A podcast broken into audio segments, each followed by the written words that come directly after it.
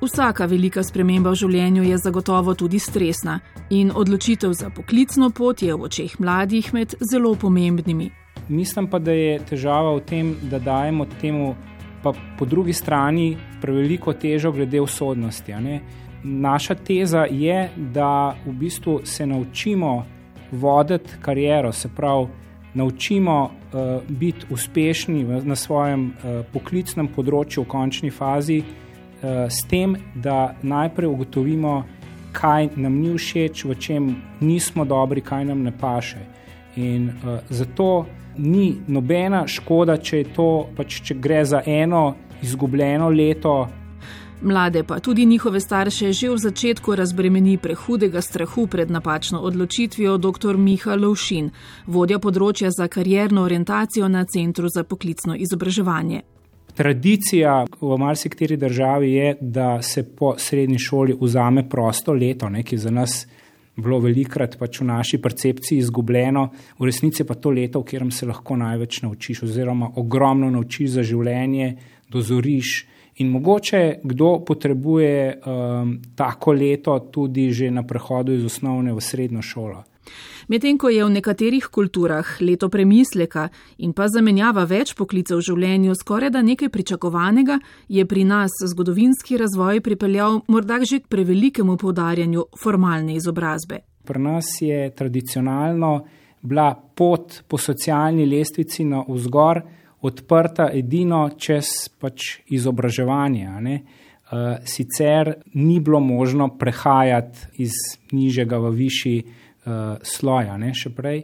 In se mi zdi, da nam je to pač v genih tudi ostalo. Zaradi tega je tudi tako visoko kotirala ali pa kotira na vrednostni lestvici splošna izobrazba, akademska izobrazba. Upis mladih v zadnjih letih kaže, da so tudi poklicne šole in njihove višješolske oziroma visokošolske strokovne nadgradnje znova postale bolj zanimiva izbira, Prav tako pa, da tudi akademska izobrazba v nekaterih segmentih že nekoliko izgublja na veljavi. Z zelo razširjenimi možnostmi pridobivanja znanja se kaže, da ta formalnost izobraževanja ali pa formalne poti izobraževanja mogoče mal uh, izgubljajo veljavo, kajti uh, možnosti neformalnega izobraževanja je ogromno in tudi um, ljudje, ki so si pridobili na tak način izobrazbo, sploh ni nujno, da so neuspešni. Nasprotno, ne, so velikrat zelo uspešni. Poznamo primere svetovne, uh, kjer so dejansko osipniki najbogatejši, najuspešnejši ljudje, se pravi ljudje, ki niso nikdar končali fakultete. Recimo. In še nekaj lahko osnovnošolce razbremeni strahu pred napačno izbiro poklica. Če tudi začnejo v triletnem poklicnem programu, imajo še zmeraj možnost doseči vse stopnje, tudi akademske izobrazbe. Naš izobraževalni sistem velja za zelo odprtega, ne? tako da dejansko zaprtih uh, poti ni. Če nekdo konča triletno poklicno šolo, ima možnost v dvoletnem poklicno-tehničnem izobraževanju pridobiti srednjo strokovno izobrazbo s poklicno maturo. Lahko z opravljanjem maturitetnega tečaja, ki traja eno leto, pride tudi do splošne mature in pač se upiše potem na, na želeno fakulteto oziroma na fakulteto, ki jo je izbral. Uh, tako da uh, v tem smislu ne moramo govoriti o zaprtih poteh. Ambulanta 202. Pri otrocih, ki že odnegdaj vedo, kaj bodo, ko bodo veliki, je poklicna odločitev le sledenje logični poti. Veliko težja in stresnejša je ta odločitev za tiste, ki sploh ne vedo, kaj jih zanima, kaj bi radi počeli oziroma jih prav nič na svetu ne zanima za res. Dr. Miha Lovšin stiske seveda razume, pravi, da je nezainteresiranost in pasivnost normalen del odraščanja, Hkrati pa eh, je to pač tudi rezultat vsega prejšnjega dogajanja. Tukaj se je pač treba prej vprašati, ne? zato jaz upam, da to uh, oddajo, ta prispevek poslušajo tudi starši mlajših otrok. Namreč prej se je treba vprašati, kaj s tem naredimo, če človeku ponudimo na pladnu vse in še več. Uh, dejansko ga onemogočimo, da bi sploh razvil željo za karkoli. Tako da moj nasvet uh, bi bil predvsem to, da je treba prej razmišljati, da človek, učenc, mlad, uh, fant, punca spoznavajo, kje so dobri, kaj jim leži, kaj, uh, česa absolutno ne bi radi počela, ne? da dobijo možnost, da grejo, ne vem, kočetu k mami v službo, kdaj pogledati, da uh, mogoče uh, izkoristijo možnosti, ki jih ponujajo osnovne šole preko organiziranja tehničkih dni, da dejansko vidijo, kaj, pa, kaj je tista stvar, ki jih pritegne, jih ne pritegne. V pomoč so lahko tudi interesne dejavnosti, pa seveda pomoč šolskih svetovalnih služb oziroma učiteljev, ki otroke bolje poznajo. Pa vendar, kaj svetovati osnovnošolcem, ki jih v narekovajih rečeno nič ne zanima, se je bolje odločiti za poklicno šolo ali za gimnazijski program. Ni prave in ni napačne poti. Če ni absolutno nobenega interesa, pač je smiselno iti v šolo ki jo nekdo, uh, ki jo posameznik verjetno s pomočjo staršev, uh, okolice, kolegov um, pač izbere, izbrati šolo, v kateri se bo ta posameznik dobro počutil in to ponavadi uh, mladi ljudje pa kar vejo. Zdaj, zakaj bodo neko šolo izbrali? A zaradi tega, ker bo šel tja najboljši prijatelj, s tem ni popolnoma nič narobe. Ja, ne pa tako šolo izberejo. Ne. Za nekatere je boljša pot um, poklicno izobraževanje, za nekatere gimnazija. Nekaterim to uspe že v prvo ugotoviti, nekateri po letu, dveh ugotovijo, da to ni to in pač spremenijo svojo izobraževalno pot, zamenjajo šolo, s čimer ni tudi popolnoma nič narobe. Je pa treba nekje začeti. Poklicni praviloma triletni programi v času šolanja prinašajo veliko praktičnega znanja in tudi povezovanja z morebitnimi delodajalci. Srednji strokovni programi imajo prakse manj, a še vedno prinašajo znanja izbrane stroke, medtem ko so gimnazijski programi s širokim naborom splošnih znanj namenjeni pripravi na akademsko nadaljevanje šolanja. Kot pa rečeno, srednje šole niso zaprte uh, z visokimi ograjami, kjer se ne bi dalo prehajati z ene na drugo, in ljudje naj to možnost izkoristijo, če ugotovijo, da jim mogoče neka smer ne, ne ustreza. Ambulanta 202. Še ena dilema pesti mladostnike in starše ob izbiri usmeritve, namreč pogosto opominjanje na usodni pomen zaposljivosti ali še bolje nezaposljivosti po koncu šolanja. Kako pomemben je ta vidik v tako hitro spreminjajočem se svetu in ob napovedih, da bo večina danes rojenih otrok opravljala poklice, ki jih danes sploh še ne poznamo.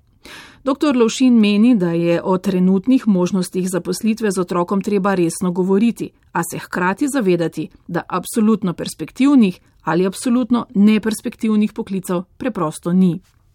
Bistveno je, da dosežemo da je človek, ki se opisuje naprej, notranje motiviran za to, kar je izbral. Zdaj, a je to ta trenutek perspektivno ali ni perspektivno, v tej točki verjetno niti ni najpomembnejše. Lahko je še toliko perspektivno, pa če nekdo to počne z odporom, uh, bo slej ali prej uh, naletel na težave. Kdo je uspešen? Uspešen je uh, tisti, ki ima rad svoje delo, ki ki je radoveden v tem, kar počne, ki ima željo zvedeti še več o tem, kar dela, o čemer se uči. Um, marsikateri družboslovc je bistveno bogatejši kot marsikateri tehnično izobražen uh, posameznik in obratno. Tako da um, tukaj dejansko mislim, da nimamo pravice pa končne sodbe izreči o tem, ali je nekaj prav ali narobe, zato ker je trenutno perspektivno oziroma neperspektivno. Tako mladostniki kot starši si želijo, da bi bila izbrana šola dobra. A kako to preveriti? Dr. Lovšin svetuje, da se natančno pozanimamo, kako je šola upeta v mednarodno sodelovanje, na tekmovanja in kako je pri tem uspešna. Pomembno je, ali se šola vključuje v mednarodne izmenjave, pomembno je, kakšne delovne navade spodbuja, tudi z različnimi projektnimi deli. Pa seveda, kakšen je osip v tretjem letniku, kakšen je delež maturantov, ki so sprejeti na fakultete že v prvem krogu, pa tudi kakšen delež dijakov je pri maturi sploh uspešen. In pomemben je tudi vtis, ki ga otroci dobijo v sami šoli in vzdušju v njej, zato so informativni dnevi pomembna priložnost za osebni stik. A ob tem dr. Lovšin opozarja. Zavedati se moramo namreč, da se šola na informativni dan, srednja šola, govorim, vedno dobro pripravi, hoče se pokazati v najboljši luči, kar je seveda pravilno. Je pa naša naloga, da smo kritični do te informacije, da preverjamo verodostojnost te informacije in da pač poskušamo zvedeti zraven še kaj več, ne samo tega, kar nam pač šola že sama od sebe ponudi. Uh, jaz bi predlagal, oziroma na srce vsem staršem položil, uh, dejte se s svojimi otroki to prej pogovoriti, dejte jim možnost, da oni vodijo obisk na informativnem dnevu, ne pa da ste vi njihov zastopnik, odvetnik in vi dvigujete roko in vi sprašujete. Vaš otrok se upisuje v srednjo šolo, vi ste se v svojo že. Ambulanta 202. Mladostnikom, sploh pa tistim, ki o poklicih in smereh izobraževanja malo vedo, je lahko v pomoč spletna stran Moja izbira.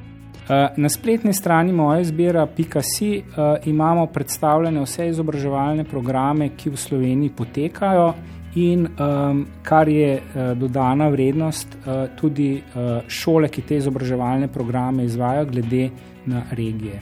Hkrati pa imamo preko 500 opisov poklicev, pogosto opremljene tudi z video prikazi, kjer dejansko si lahko kaj o tem poklicu preberemo. Eh, in pa tudi pogledamo, kako pač v naravi to izgleda, in zato jo velja tudi zelo izkoristiti. Nekoliko drugačno možnost, ki ponuja tudi pomoč pri odločitvah med poklici, pa nudi Zavod za zaposlovanje s svojim programom, poimenovanim Kam in kako. Pri mladostnikih je v prihodnjih tednih res velika, a poudarimo znova, nikakor ne usodna odločitev. Absolutno največji karierni napredki se zgodijo takrat, ko ugotovimo, česa ne maramo, pa tudi če za to izgubimo eno leto. Zato naj bo izbira šole predvsem otrokova oziroma mladostnikova, kar je včasih težko, sploh če si močno želimo, da bi naš otrok dosegel višjo izobrazbo, kot jo imamo sami, da bi bil za šolanje bolj zagret in v njem uspešnejši kot je, ali pa če se skupaj z njim borimo, da šolo sploh zmore. Izobrazba je zelo pomembna in vselej bo tudi formalna, ni pa vse in tudi šola ni za vse. Ali kot je v knjigi Kreativne šole zapisal izjemen angliški pedagog Sir Ken Robinson. Nekateri najsijajnejši in najbolj ustvarjalni ljudje, kar jih poznam, so bili slabi učenci. Številni sploh niso odkrili, kaj zmorejo in kdo v resnici so, dokler niso zapustili šole in okrevali od izobraževanja.